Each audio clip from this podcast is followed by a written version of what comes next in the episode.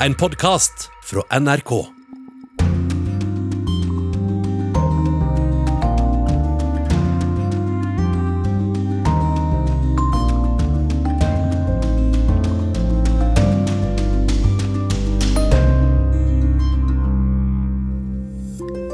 På grensa mellom USA og Mexico står det nå flere migranter enn det har gjort på 20 år. I den irakiske byen Mosul er det mange som savner Saddam Hussein nå. Livet var bedre før, sier de. Andre stikkord for denne sendingen er vulkanutbrudd på Island, mannsrollen og hviterussisk propaganda i Melodi Grand Prix. Og i ukas podkast skal vi se nærmere på vaksinesamarbeidet i verden. Ja, vel møtt til Urix på lørdag, jeg heter Marit Kolberg. Ved den sørlige grensa til USA så står det nå altså flere asylsøkere og immigranter enn det har gjort på 20 år. NRK har snakket med Jamali Flores og familien. De fikk oppfylt drømmen om å komme til USA etter nesten to år i en teltleir på den meksikanske siden av grensa. En far med datteren på armen nærmer seg grensegjerdet mellom Mexico og USA.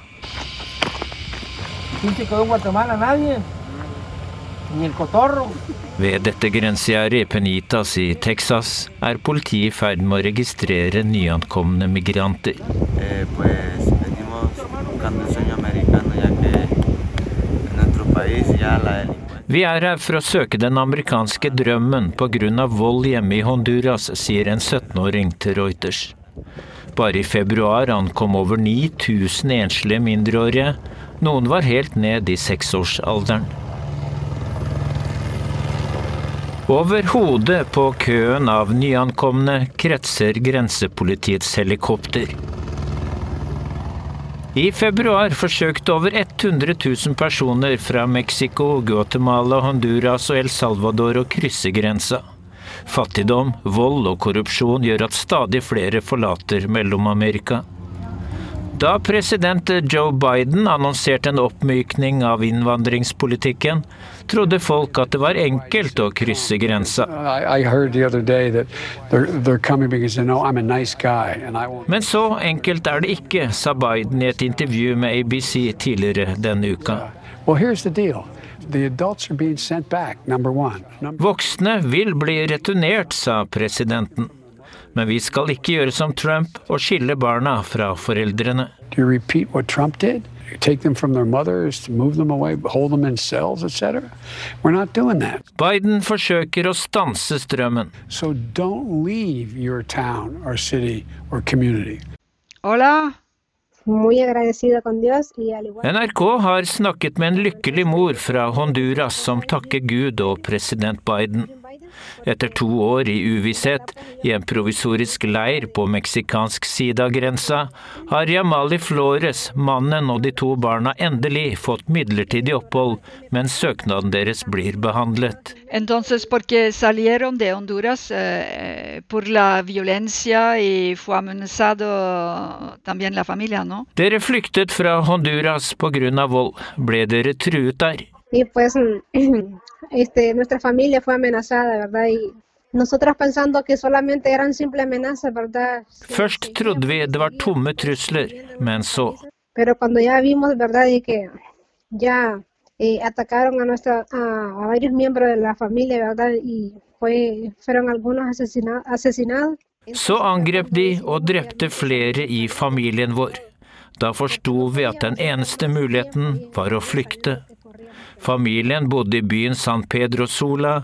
Byen ble i mange år omtalt som verdens drapshovedstad. Eh, Estados Unidos es un país de oportunidades. Pero al mismo tiempo, ¿verdad? Porque nosotros, mm, por los problemas que hemos tenido en nuestros países, USA er et land med mange muligheter. Her er vi tryggere enn i land i Mellom-Amerika.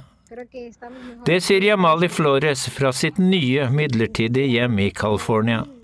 Jamali og familien fikk sammen med flere tusen andre migranter midlertidig opphold i USA. President Joe Biden hadde fjernet Trumps praksis om at migranter må være på meksikansk side mens asylsøknadene behandles. Dios igual pues con, con Biden Biden, en verdad pues ellos cumplieron su promesa, ¿verdad? De, Vi er veldig takknemlige overfor Gud og president Joe Biden, sier en lykkelig tobarnsmor fra Honduras på telefon fra California. Reporter i denne saken var Dag Bredvei og Inger Marit Kolstad Bråten.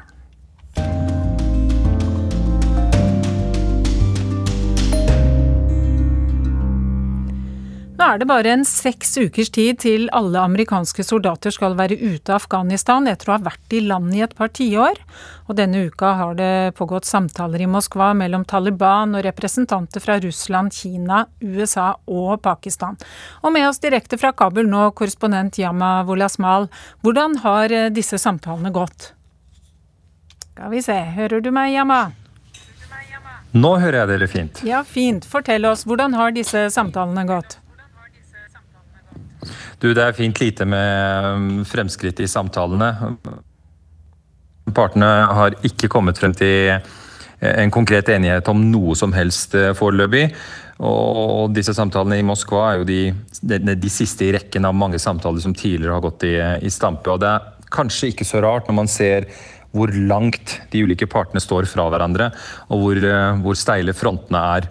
Et eksempel på det er Taliban, som nå sier at de vil etablere et islamsk emirat. Eh, litt slik de hadde for 20 år siden.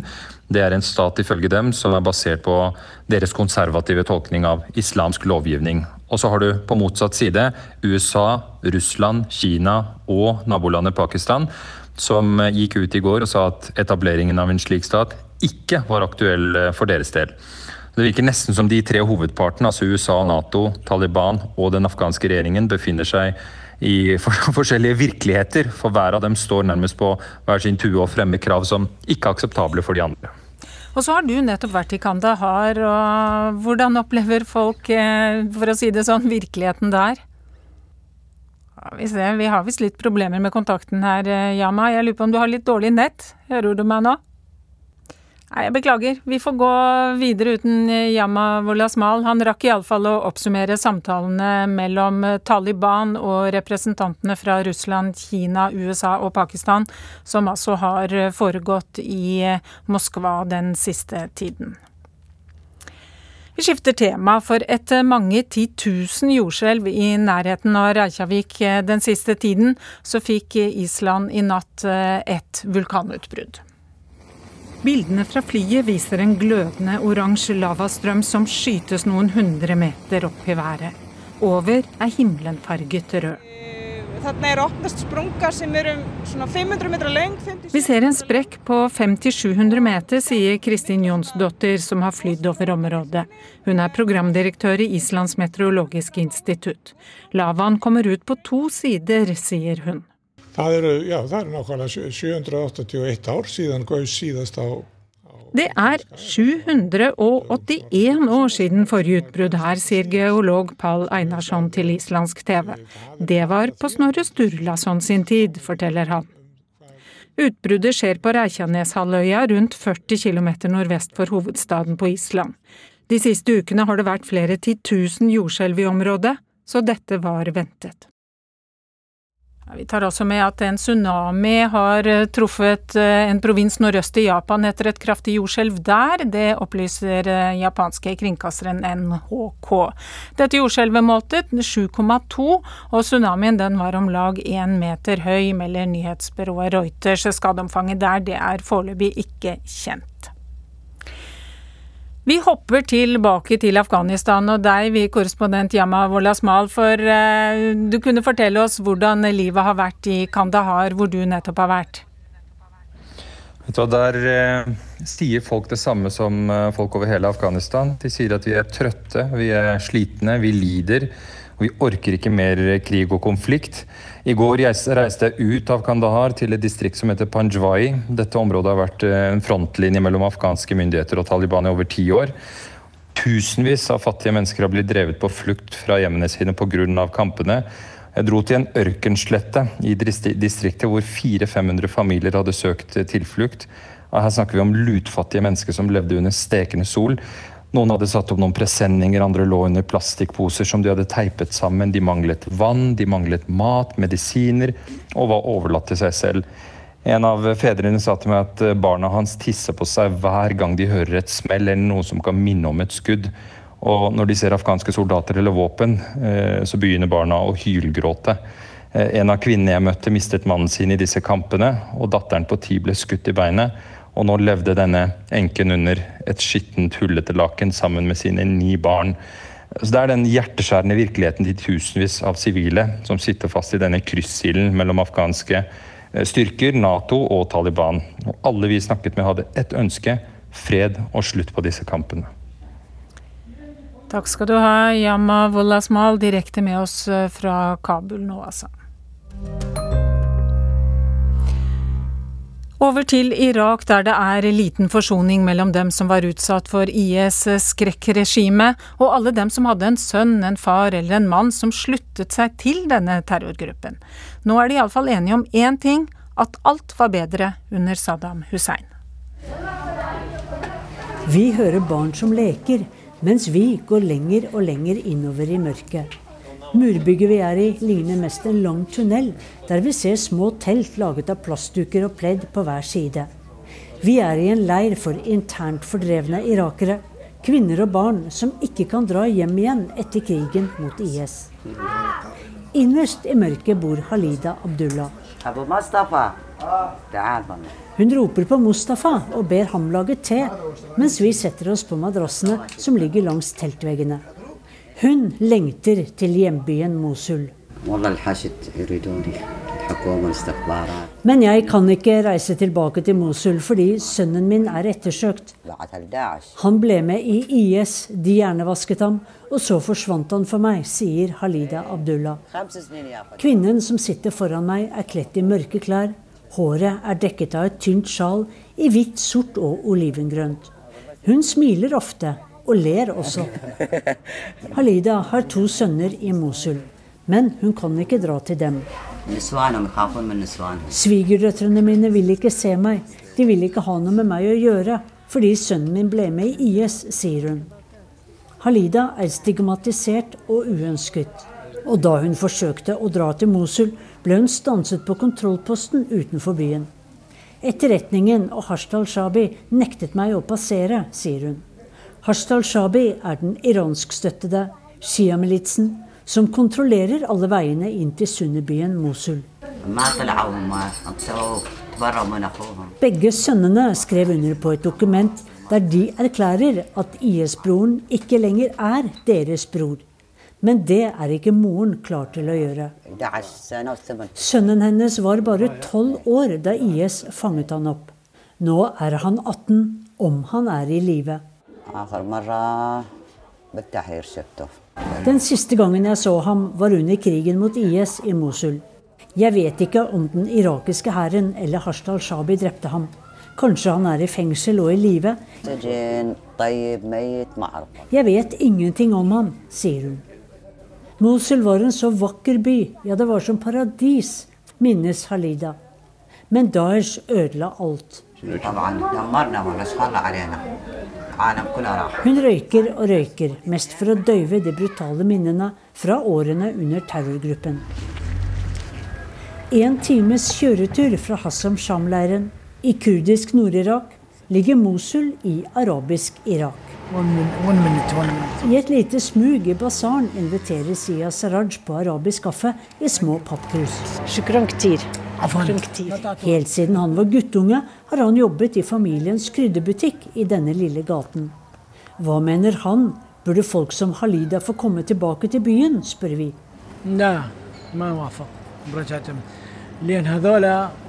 Jeg synes ikke familiemedlemmene skal komme tilbake, sier Sia Saraj. Men han er mer redd for barna enn for kvinnene. Barn av IS-krigere er farlige for oss. Fordi de vil vokse opp og ønske å hevne fedrene sine som ble drept. Selv mistet Saraj broren og hele brorens familie mens IS var i byen. Bare en baby på sju måneder overlevde. Og så var det all frykten de gikk med hele tiden.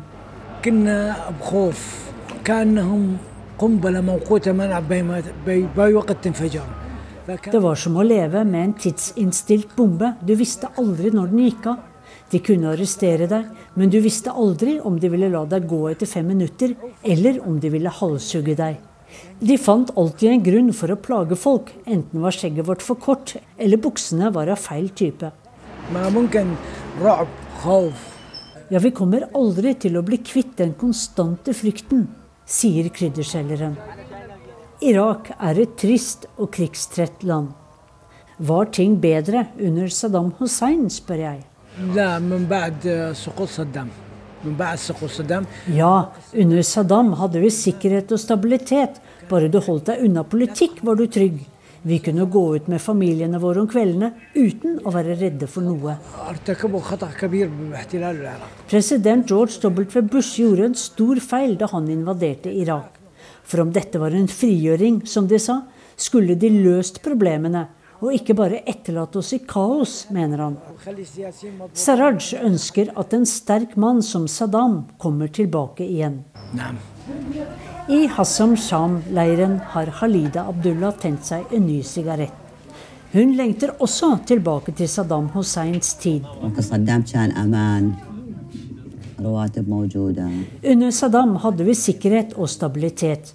Alle fikk mat på bordet og lønn hver måned. Men amerikanerne rotet til alt. Problemet var at USA avsatte Saddam og ga oss en sjiamuslimsk regjering. Hva mener hun er løsningen for alle familiene etter IS? Regjeringen burde gi amnesti til alle.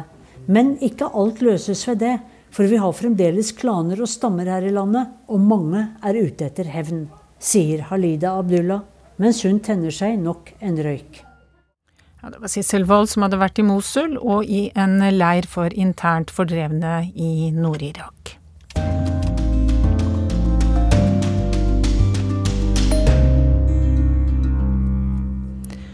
Så skal vi snakke om menn her i Urix på lørdag. Jeg syns bare det er så pissesvært, det der med å åpne seg. Når man mister sitt arbeid, og når man blir skilt. Så det å komme vekk fra familien, flytte til sitt eget sted, ikke ha et arbeid, det gjør at du blir utskilt-agtig. Det, det er den der ting ikke å høre til. Have et tilhørsforhold. Jeg tror, det er svært. Det mærker jeg i hvert fald, det er.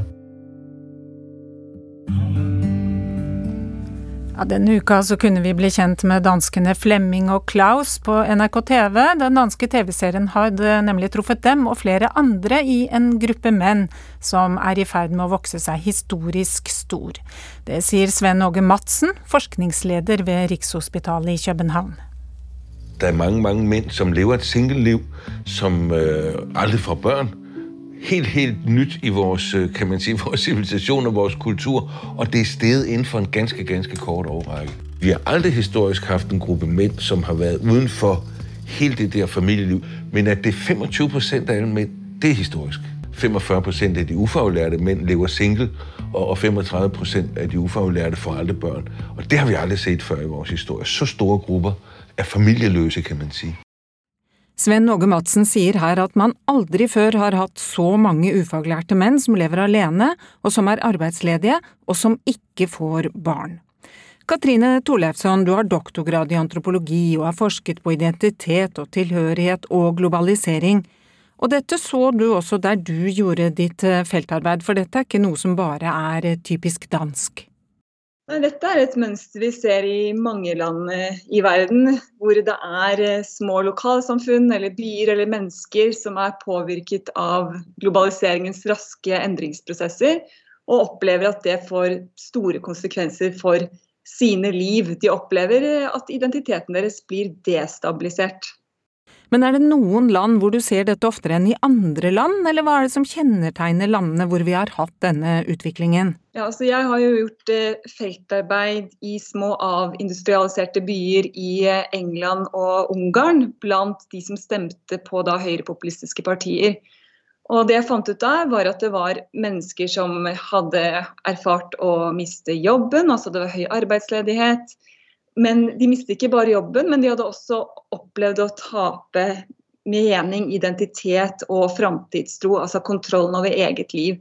Så dette ser vi i, i mange europeiske land hvor høyrepopulistiske partier har fått eh, gjennomslag. Hvilke konsekvenser er det man ser da, når man har hele grupper som faller utenfor samfunnet på denne måten? Det har jo store psykososiale konsekvenser. Du kan ha f.eks. livsstilssykdommer. Det kan være at eh, ufri, at dette med å være ufrivillig alene er jo også eh, psykisk tungt for mange. Men så kan det også ha politiske konsekvenser. Og Tradisjonelt har vi jo sett at det har vært noen flere menn som har stemt på autoritære nasjonalistiske partier. fordi disse partiene lover å beskytte grenser, de lover å beskytte nasjonal identitet og, og, verdier. Og ikke minst den egentlige muligheten til å få barn, da, fordi de ofte fokuserer på, på eh, retten til og, og behovet for å beskytte tradisjonelle familiestrukturer. Men er dette disse vi ofte kaller eh, sinte, hvite, middelaldrende menn, eller de som har tatt på seg de gule vestene i Frankrike f.eks.? Ja, altså det er jo en opplevelse av mye avmakt blant disse velgergruppene. Men det er ikke sånn at det kun er sinte hvite menn. Det er også en del kvinner, og også yngre kvinner, som stemmer på disse partiene. Men en del av de har eh, misnøye og frustrasjon rettet mot politiske eliter. altså De føler seg ikke eh, sett eh, og hørt, og føler seg desillusjonert. Altså de har ikke noe særlig framtidstro, eller de opplever en tap av kontroll over eget liv og hverdag. Du nevnte at dette var land hvor man har hatt en avindustrialisering, altså at man har mistet industriarbeidsplasser. Er det noen land som har utmerket seg? Altså, det er det jo mest regioner, fordi både f.eks. Tyskland, Storbritannia og Frankrike så er det jo et stort eh, skille mellom urbane sentre og rurale, rurale landområder. Så det vil si at det ofte er skillelinjer i form av hvor du bor i landet. Og du ser at kvinner gjennom utdannelse har fått mer sosial mobilitet og gjerne flytter da til storbyene. Og så har du en overvekt av menn som blir igjen på disse mindre tettstedene. Og der hvor jeg jobbet, en liten by som heter Doncaster, i generasjoner hadde jo da mennene jobbet i gruver. Du kunne slutte på skolen fredag og få deg jobb på mandag. Og så endret det seg rundt for 30 år siden med nyliberalistisk globalisering av økonomien der. Og det resulterte jo i både økt ulikhet og økonomisk stagnasjon. Men også det at uh, alt som produserte mening og identitet og samhold, forsvant. Og nå skal ikke jeg romantisere eh, industrien og si at det nødvendigvis eh, er løsningen her, men det å anerkjenne at det er mange mennesker, og spesielt yngre generasjoner, som har opplevd ganske rask endring av deres eh, arbeidsvilkår. Og også med det et stort meningstap og det å ikke føle at du har en rolle i lokalsamfunnet. Og du står da ufrivillig utenfor arbeidsmarkedet. Du er ufrivillig alene og du er egentlig ufrivillig marginalisert. Takk til eh, forsker Katrine Torleifsson. Nå om Hviterusslands bidrag til Melodi Grand Prix eller Eurovision. Det har nemlig skapt masse politisk uro. Låta får ikke være med i konkurransen. Eurovisjonen mener den er for politisk. Og opposisjonen i Hviterussland mener at sangen til gruppa Galasis Miesta handler om dem. Yeah! научу тебя плясать под дудочку. Я научу тебя клевать на удочку. Ja, sangen den heter altså 'Jeg skal lære deg'. Og i refrenget så heter det 'Jeg skal lære deg å danse etter fløyta'. 'Jeg skal lære deg å ta agnet'. 'Jeg skal lære deg å gå langs linja' og du kommer til å bli glad og fornøyd med alt. Så er jo da det store spørsmålet hvem er det som skal lære hvem alt dette greiene her? Eh, og ifølge den eh, politiske opposisjonen i Hviterussland og, og kritikerne til Lukasjenko-regimet der, så er det altså eh, meningen i sangen at det er myndighetene som skal lære kritikerne sine å oppføre seg eller holde seg innafor de grensene som myndighetene setter. altså at man ikke skal demonstrere. Dette er jo ikke den eneste sangen til denne gruppa som opposisjonen har reagert på. Vi skal høre på en til, vi. Я в Прибалтике сижу и на Беларусь гляжу. Все сижу и сижу, и оттуда вам жужжу. er det vi hørte her da, Jan Espen? Ja, det er altså den samme gruppa da som synger at uh, jeg sitter i Baltikum og ser på Hviterussland. Jeg sitter og sitter og sier noe til dere.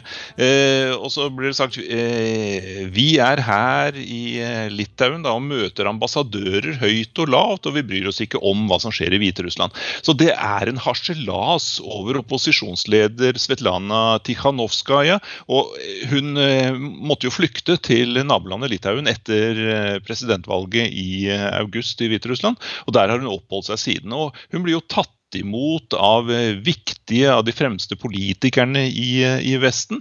Og hun driver altså sin opposisjonsvirksomhet derfra. Men denne eh, hviterussiske gruppa i sin sang, den driver harselas med henne, den driver harselas med demonstrantene. Eh, og eh, vi må jo huske på at det, altså, i Hviterussland er jo omtrent 30 000 mennesker eh, arrestert, og en del av dem har blitt fengslet kortere eller lengre tid i løpet av det siste drøyt halve året. sånn at eh, det er jo nokså sterk kost at eh, en, en, en gruppe harselerer over eh, den politiske opposisjonen i sitt eget land på denne måten. Er det en grunn til å tro at dette bandet får hjelp av myndighetene til å holde på slik som de gjør?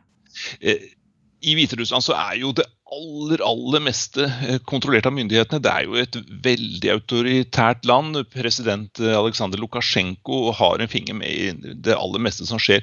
Og det er vel all grunn til å tro at uten myndighetenes velsignelse, så hadde ikke dette bandet fått uh, den stillingen det har, og, og, og, fått utvikle seg på denne måten. Det, det ser i hvert fall ut slik, sier opposisjonen, at dette er en del av propagandaapparatet til Aleksandr Lukasjenko.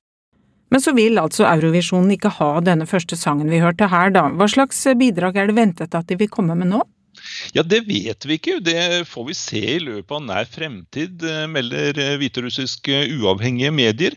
Eh, men det er vel grunn til å tro da at det dukker opp en sang som er i hvert fall veldig upolitisk, for at de skal slippe å, å, å, komme opp i den samme situasjonen en gang til. Men det er altså den samme gruppa, Galasis Miesta, som uh, igjen skal komme med en uh, ny sang.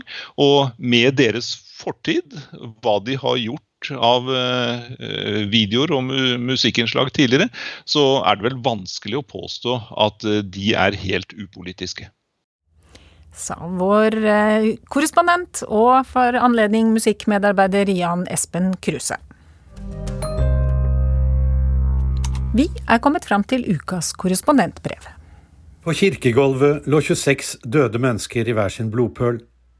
Midt under gudstjenesten i Første baptistkirke i Sutherland Springs i delstaten Texas. Hit kom en mann med en halvautomatisk Ruger-rifle og begynte å skyte langs benkeradene mens han ropte her skal dere alle dø, jævler. En av de mange forferdelige masseskytingene i USA i løpet av min tid som korrespondent her. Jeg og fotografen kastet oss på et fly til Texas. Vi nådde fram til kirken tidlig mandag morgen, mens sola sto opp over tragedien. Innbyggerne var i sjokk og villrede. Politiet hadde sperret av åstedet. Etter en stund kom den republikanske senatoren Ted Cruz for å fortelle oss journalister at slike masseskytinger ikke burde føre til krav om strengere våpenlover, tvert imot. Så skjedde noe enda rarere. På sosiale medier dukket det opp historier om at drapsmannen var demokrat og tilhenger av Hillary Clinton og Bernie Sanders, egentlig en radikal muslim, at han holdt et flagg med symbolet til den venstre-radikale Antifa-bevegelsen under udåden, og ropte dette er en kommunistisk revolusjon at akkurat dette gudshuset ble angrepet fordi kirkegjengerne var hvite konservative. Ingenting av dette stemte, skal man tro øyenvitneskildringer og politiets etterforskning. Drapsmannen hadde psykiske problemer, var tidligere tiltalt for vold og ønsket hevn over sin ekskone og familien hennes. Slike kjensgjerninger trenger man ikke å ta hensyn til på sosiale medier. Her spredte de usanne konspirasjonsteoriene seg bokstavelig talt med lysets hastighet. Så kom steg to i konspirasjonsland. Hele historien var en falsk flaggoperasjon. Det er en handling som ser ut som om den er utført av en gruppe som egentlig ikke er ansvarlig. i tilfelle med kirkemassakren. De, altså politiet og andre myndigheter, vil at vi skal tro at det er en enslig galning som har skutt og drept kirkegjengerne. Men egentlig var det en operasjon satt i verk av et venstreradikalt nettverk som kjemper for en kommunistisk maktovertagelse i USA. Slike falsk flagg-teorier er yndet tema blant konspirasjonstilhengere. Ved barneskolen Sandy Hook ble 20 elever og seks lærere skutt og drept i en brutal massakre i 2012. Etterpå dukket det opp påstander om at dette var en slik falsk flaggoperasjon, hvor det egentlig var myndighetene som sto bak drapene. De ønsket angivelig å skape politisk grobunn for strengere våpenlover. Teorien ble lansert av andre Alex Jones, en av de mest høylytte medieekstremistene på ytterste høyre side. Med eget radioprogram og nettsiden Infowars har han vært en pådriver i spredningen av konspirasjonsteorier og en ivrig støttespiller for Donald Trump. Det gikk ikke mer enn to år før Alex Jones høynet fantasinivået i Sandy Hook-konspirasjonen. Nå skulle han ha det til at massakren egentlig ikke hadde skjedd, at ingen barn var drept, og at de døde barna vi så bilder av, bare var skuespillere. At det hele var satt i scene for å hisse opp befolkningen til å kreve strengere våpenlover. Mange fulgte opp Alex Jones sine fantasier, blant dem nåværende kongressrepresentant for republikanerne, Marjorie Taylor Green, som også har omfavnet en rekke andre konspirasjonsteorier, som QAnon.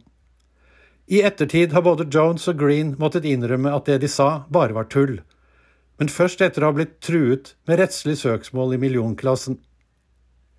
Det er ikke så vanskelig å forstå hvordan folk kan la seg rive med av slike fantasier. QAnon-konspirasjonen og dens forgjenger Pizzagate hevder at USA og verden styres av en hemmelig elite av pedofile, satandyrkende maktpersoner. Ingen liker jo at små barn blir utnyttet seksuelt. Derfor har Redd Barna, Save the Children, blitt et slagord for QAnon-tilhengerne. Spredning av denne uskyldige meningsytringen har lokket mange mennesker over hele verden inn i resten av konspirasjonen.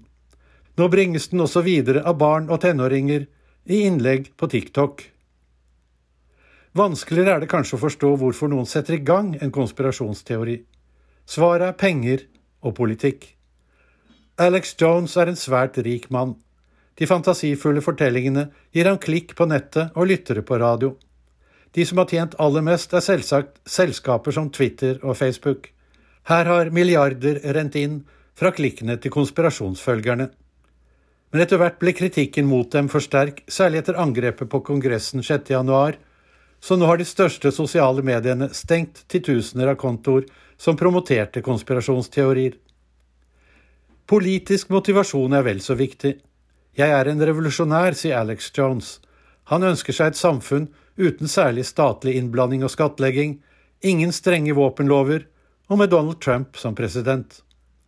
For tiden er QAnon-konspirasjonen den mest populære av de politiske fantasifortellingene. Selv etter angrepet på Kongressen 6. januar, hvor mange QAnon-følgere var svært aktive.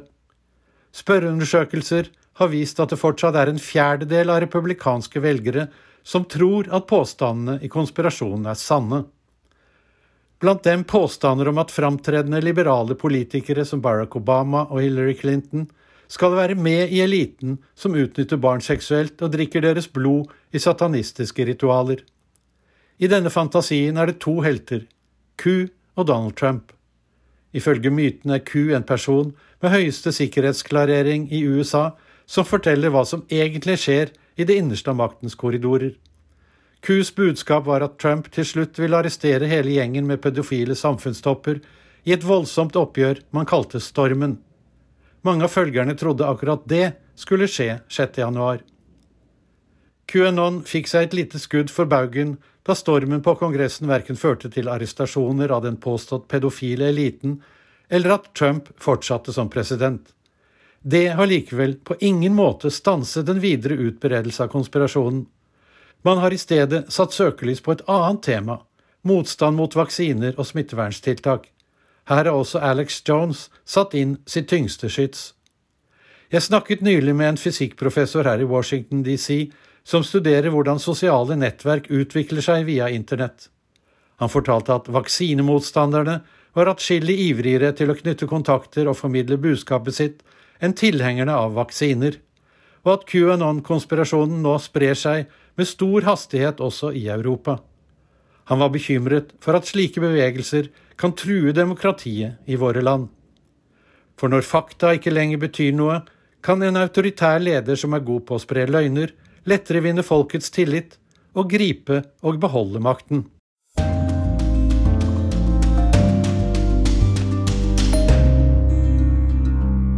Da tar vi fram denne ukas podkast, der vi spør kunne verden fikset dette med vaksinen bedre?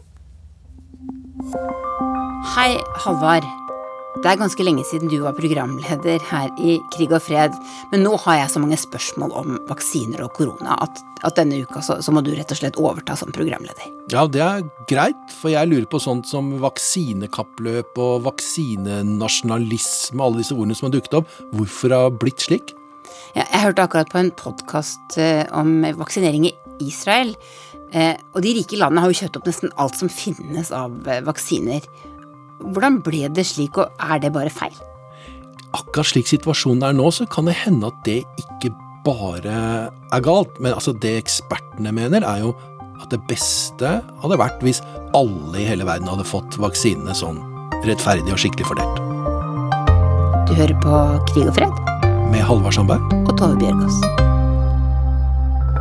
I en ideell verden med en demokratisk valgt verdensregjering, så hadde det vært den beste modellen. Eh, helt klart. Eh, det ville gitt eh, raskest kontroll, og det ville gitt best mulig hva skal jeg si, sikkerhet for alle. Jeg er Jon Arne Røttingen, ambassadør for global helse i Utenriksdepartementet, hvor jeg jobber da for både utviklingsministeren og utenriksministeren. Jon Arne, det er én ting som jeg ikke har helt klart for meg, og det er følgende. Hvis vi i Norge er fullvaksinert og beskyttet mot denne sykdommen, hvorfor skal det være viktig for oss at eh, folka i Afrika også har fått vaksine? Ja, det, det, spiller jo en rolle både fra et rent helsemessig perspektiv og fra et samfunns- og, og økonomisk perspektiv. Hvis vi skal ta det helsemessige først, så er det jo slik at dette viruset ikke er konstant og stabilt. Det utvikler seg, og det har vi sett eh, tydelig nå, særlig de siste eh, tre-fire månedene, hvor da gradvis viruset har tilpasset seg den nye menneskelige verten, slik at det blir mer effektivt i å formere seg og mer effektivt til å spre seg, og kanskje til og med også noe, gir noe økt fare for, for alvorlig sykdom og død. I tillegg så utvikler virusene slik at de noen greier å slippe unna uh, immunresponsen, altså kroppens naturlige forsvar, uh, slik at man kan risikere å bli smittet på nytt med en ny variant av viruset. Uh, det er en, helt klart en relevant trussel, og som gjør at vi kan få dermed ny, nye bølger av covid-19 med nye varianter som ikke vaksinene som vi da bruker i Europa f.eks., i tilstrekkelig grad vil beskytte mot. Og dermed få Eh, en ny eh, bølge av sykdom, også her hjemme. Så det er på den helsefaglige begrunnelsen. Ok, det, det, helsemessige det er dette med at eh, viruset kan mutere, og hvis det fortsatt er en sånn ravende epidemi i Afrika og i mange fattige land hvor folk ikke er vaksinert, så muterer det mye der, og så kan disse mutasjonene komme hit og true oss selv om vi er fullvaksinerte. Den, den tror jeg jeg greier å ta. Men dette her økonomiske motivet som blir dratt frem også, hva er det for noe? Den mer økonomiske begrunnelsen handler om at verden er veldig tett sammenknyttet uh, i dag gjennom uh, vareproduksjon, verdikjeder uh, og internasjonal handel. Det har vært gjort en rekke økonomiske, makroøkonomiske modellanalyser som sier at konsekvenser av at pandemien ikke er kontrollert fullt i de fattigste delene av verden, og dermed at de fortsatt må gjennomføre smitteverntiltak og, og stenge ned deler av sin økonomi og sitt samfunn, det vil få eh, fortsatt store konsekvenser også på den økonomiske utviklingen i høyinntektslandene, og at det derfor er også av rene økonomiske argumenter veldig nyttig og viktig for oss eh, å investere i å kontrollere pandemien i de fattigste landene. Men Jan Arne, eh, hvis dette her er tilfellet, og det virker jo sånn i og med at det er så godt eh, belagt, hadde det ikke vært en idé da å styrt alle vaksiner slik at det ble jevn fordeling over hele verden? Altså at FN f.eks. hadde tatt kontroll over all vaksineproduksjon i en pandemi, og at det ble jevn fordeling, samme som vi gjør her i Norge i henhold til befolkningstall. Vi har ikke i praksis en slik eh, felles regjering. Eh, vi har 200 nasjonalstater som er suverene og som har ansvar for sine egne innbyggere. og, Derfor er det et krevende koordineringsarbeid å få til et slikt internasjonalt uh, felles løsninger. Men, men, vi har fått det til delvis da, gjennom å etablere dette Act Accelerator, eller ACT A-samarbeidet, og med Covax uh, innkjøpsmekanismen, som både sikrer gratis vaksiner opp til 20% av befolkningen i de fattigste landene, og i tillegg også har vært en felles innkjøpsmekanisme for en rekke eh, andre land. Eh, både høyinntektsland og mellominntektsland. Men føler du at det er litt hard, eh, hardt salg å, å, gjøre det nå? Altså når hele Europa så skriker om mer vaksiner, og så kommer du og sier at ja, det beste er hvis du hadde gitt bort halvparten av det, i hvert fall til andre land nå med en gang, og ikke vente til neste år? Nei, jeg syns ikke det er så veldig hardt, og det er ikke så veldig krevende å forklare, tenker jeg, for uh, menig i Norge heller. Altså, vi kunne bare sett for oss en situasjon hvis vaksiner ikke hadde vært et nasjonalt ansvar, men hadde vært et uh, ansvar for den enkelte kommune, og at hver enkelt kommune måtte kjøpe inn vaksiner, og det var begrensede ressurser. Ville vi da ønske at, uh, at la oss si Oslo kommune Eh, hadde fått større og raskere vaks vaksineуtrulling enn eh, en nabokommune med tilsvarende utfordringer i epidemien? Sannsynligvis ikke. Eh, så det er jo på en måte en slags altså Hvor man setter grensen på hvor ting skal koordineres, er jo en politisk, historisk hva skal jeg si, begrunnelse for. Og vi har kulturelle og hva skal jeg si, eh, naturlige grunner til å tenke at vår solidaritet rekker først og fremst da innenfor den nasjonalstatens eh, demokratiske system. Men, men, jeg tror likevel mange ser at uh, dette er jo konstruksjoner, selvfølgelig. Og at hvis vi hadde organisert og rigget oss på en litt annen måte, så hadde det også vært rasjonelt å tenke overnasjonalt hvis vi hadde hatt som sagt etablerte institusjoner og mekanismer for det. Det andre verste fallscenarioet hadde vært at Eh, staten eller offentlig i det hele tatt ikke tok ansvar for vaksineinnkjøp, og at dette var noe du og jeg måtte kjøpe på butikken på samme måte som, som melk og brød og, og andre grønnsaker. Da hadde vi jo virkelig kommet i et uføre hvor det jo hadde vært rent penger som rådde. Og, og, i praksis, for det, det ville jo i praksis gitt en veldig høy pris på disse vaksinene. For da ville det være et knapphetsgode. og det ville være i praksis eh, priset som på nivå med luksusvarer, og ikke som nettopp eh, viktige eh, varer som brød og mat, som jeg snakket om. Det ville vært sånn 5000 dollar for en dose på eBay? Slår det ja, til? Ja, minst. Det er helt sikkert hvis dette hadde vært et fritt marked akkurat nå. Så dette, vi er jo veldig glad for at det er, altså Poenget mitt vi er veldig glad for at dette ikke er et fritt marked. Vi er veldig glad for at dette er et ganske strengt regulert marked, og det er myndigheter og land som er kjøpere. Og så kunne det vært enda mer punkter optimalisert ut ifra resultater hvis vi hadde som sagt hatt overnasjonale ordninger som hadde eh, vært klare og, og, punkter eh, berettet til å eh, raskere produsere og raskere rulle ut i hele verden. Ja, Tove, det virker altså fornuftig at uh, vaksiner blir rettferdig fordelt til alle på uh, planeten. Tror du at det kommer til å skje? Nei, jeg tror vel ikke det. Det er jo alltid sånn at når alle vil ha noe, så får de rike landene det først. Og her så vi hvordan Trump satte i gang dette Warp Speed-programmet. Altså USA betalte for å utvikle eh, vaksiner. Det er derfor vi har fått dem så fort. Og så innførte Trump eh, eksportnekt av vaksiner produsert i USA. Og den har faktisk eh, president Biden videreført.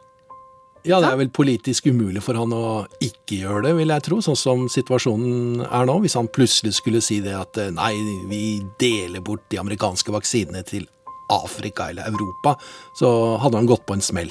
Men det betyr altså at alle vaksiner som er produsert i USA, de, de, de blir der? De blir ikke sendt ut av landet? Nei, de blir ikke det. Og i en sånn verden som dette her, kan du tenke deg hvordan, du ville, hvordan det er å jobbe i akkurat den organisasjonen som skal sørge for at dette ikke skjer? Den organisasjonen som skal sørge for en rettferdig fordeling? Ja, Hvordan tror du det er å jobbe der nå? Ikke så lett, sikkert. Nei, Da denne pandemien begynte, så hadde jeg akkurat begynt i ny jobb i Seppi. Så litt eh, surrealistisk var det jo, rett og slett. Mitt navn er Elen Høeg. Jeg er senior policy manager i CEPI, som står for Coalition for Epidemic Preparedness Innovations. Du, het, Heter det CEPI eller CEPI? Du sier CEPI. Er det det riktige? Er jeg litt sånn dum når jeg sier CEPI? Eh, nei, jeg tror jeg har hørt folk si begge deler. Ja. Dette håper jeg ikke du tar med, men eh... Det høres jo bra ut uansett. Det er i hvert fall formålet med hele greia. Det er derfor jeg lurer liksom på tankene hos dere da pandemien begynte. For, her satt du i den organisasjonen som var liksom skrudd sammen for å agere når sånt nå skjer. Det er jo omtrent som du er i Forsvaret når det blir krig. Det er liksom Oi sann, nå, nå skjer det! Tenkte dere sånn? Det gikk nok ganske raskt opp for oss, ja. Eh, mot slutten av juleferien og da starten av januar at, eh, at eh, styrkeprøven kom, og at dette nettopp var den eh, syretesten eh, på hva vår organisasjon var satt opp til å respondere på. Så er det klart at eh, som det ligger i navnet, Coalition for Epidemic Preparedness Innovations, så så var det kanskje først og fremst epidemier eh, som CPI var satt opp til å håndtere. Når, det kommer, når epidemien tar eh, verdensomfang og blir en pandemi, så, så, var vi jo avhengig av også av et globalt samarbeid eh, i mye større skala enn det CPI hadde gjort før. Men Ellen, nå skal du få anledning til å skryte litt. Hvordan hadde verden sett ut hvis dere ikke eksisterte?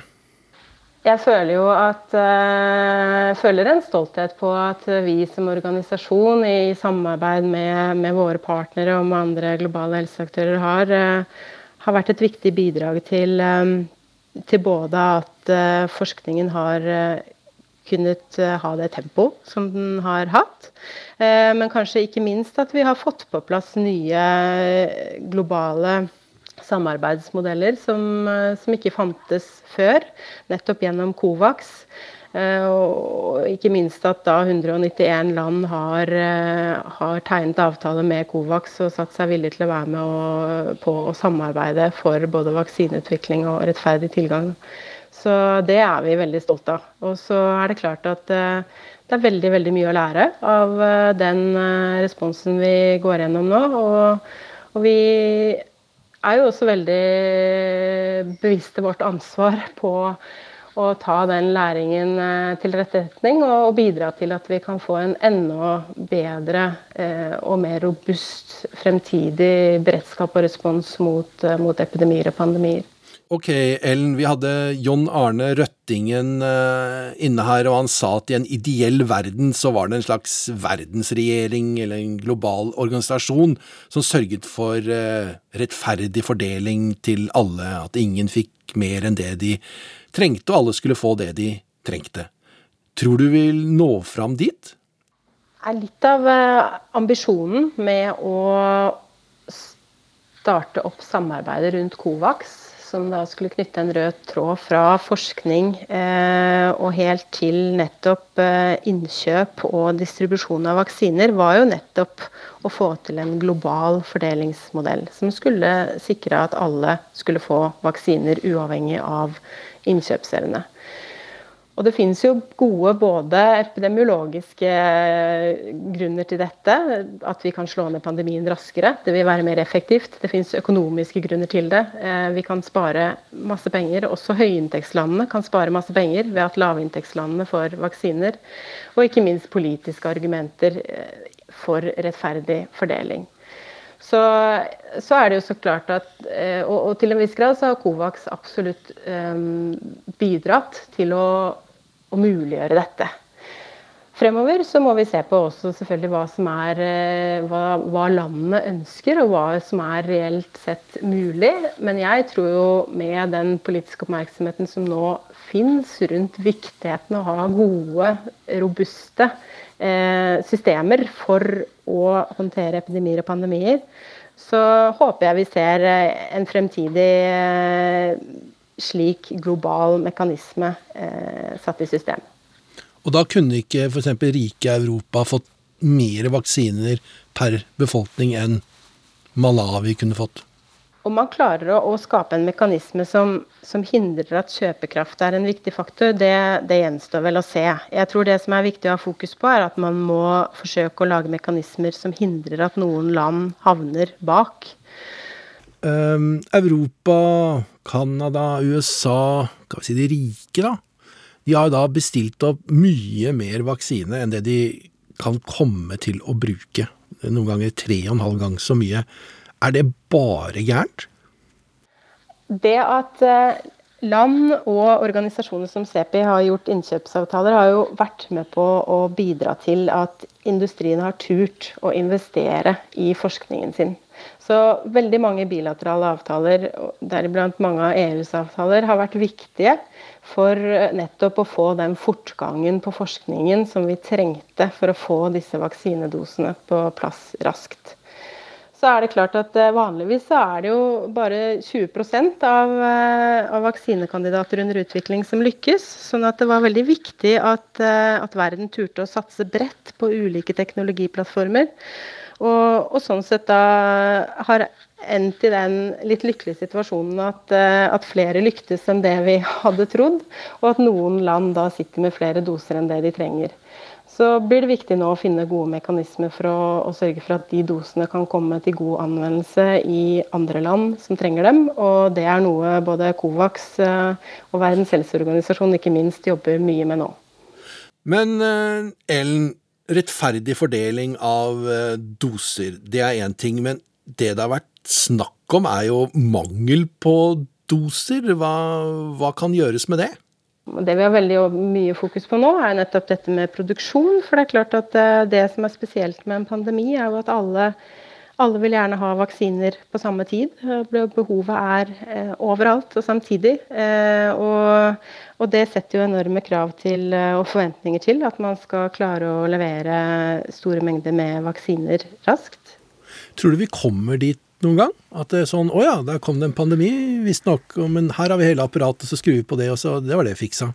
CEPIs mål er jo at vi skal kunne ta vaksineutviklingstiden ned til 100 dager. Um, denne gangen så tok det i overkant av 300 dager før, um, før man hadde uh, data nok til å kunne sende inn søknad om markedsføringstillatelse for vaksinen de dagene tok veldig mange liv, så vi tror jo nettopp at pga. de teknologiske fremskrittene at vi skal kunne klare å få ned utviklingstiden ytterligere. Du, Tove, det der var vyene for eh, fremtiden, men nå kommer jeg med sånn skikkelig idiotspørsmål her nå. Har du hørt om vaksinen fra AstraZeneca? Ja, jeg har hørt om den. Selv om de, alle disse vaksinene er, er, mest navn for oss ikke, som ikke jobber så mye med dette som det du gjør. Men nå handler det jo mye om blodpropp og bivirkninger, og at mange land har stansa vaksinen. Ja, men det handler også nå om den der krangelen som er om levering av AstraZeneca-vaksinen. Og det har vært sånn skikkelig varm krangel mellom eh, Europa, altså EU og Storbritannia, om eh, levering. Ja, og i den krangelen har det vel også kommet kraftige stemmer om at Europa ikke skulle eksportere AstraZeneca-vaksinen ut av kontinentet. Ja, det har det. Og så har det gått mange rykter om at selve det der europeiske samarbeidet er i ferd med å slå sprekker. Og det kan få store konsekvenser. Ja, Den største bekymringen for øh, vaksineprodusentene er jo at det blir restriksjoner på både eh, eksport import av innsatsfaktorene, altså det, det, det råmaterialet man trenger for å produsere vaksiner, og også blir stopp på eksport av, av eh, bulkproduktet, altså samleproduktet i stort volum, slik at man ikke man kan få fylt dem på doseflasker f.eks. Eh, og eh, verden vil jo totalt sett tape enormt hvis det gjennomføres eh, restriksjoner eh, på dette. Og fort ville det landet eller din region som også skaper restriksjoner, i utgangspunktet for egen, eget behovs skyld, tape på det, fordi de ville ikke nødvendigvis få tilgang til alle innsatsfaktorene. Så, så her er verden tjent med mest mulig fortsatt åpen handel, slik at man kan få flyttet Eh, alle ressursene dit de raskest kan generere mest mulig vaksiner. Så må vi huske på at i et vanlig år så produserer verden 3,5 milliarder vaksiner totalt sett for alle ulike sykdommer. Nå i år så hadde vi helst trengt 15 milliarder vaksiner umiddelbart for covid-19. Det sier noe om den store utfordringen. Vi har ikke hatt noe ekstra eller ledig kapasitet på vaksineproduksjon. Og likevel så trenger vi altså nå å skalere opp produksjonen med, femgangeren. Det sier noe om hvilke utfordringer vi står i. Du har hørt Krig og fred, en podkast fra NRK Urix. Denne podkasten lages av Halvard Sandberg og meg, Tove Bjørgaas. Redaktøren vår er Sigurd Falkenberg Mikkelsen. Og har du ideer til hva vi skal snakke om, så send oss gjerne en e-post på krigogfred at nrk.no. Ja, og I tillegg til Krig og fred, så har du altså hørt eh, lørdagssendingen fra utenriksredaksjonen i NRK. Teknisk ansvarlig var Bobo Bjørnskjold, produsent Truls Lier, og her i studio Marit Kolberg.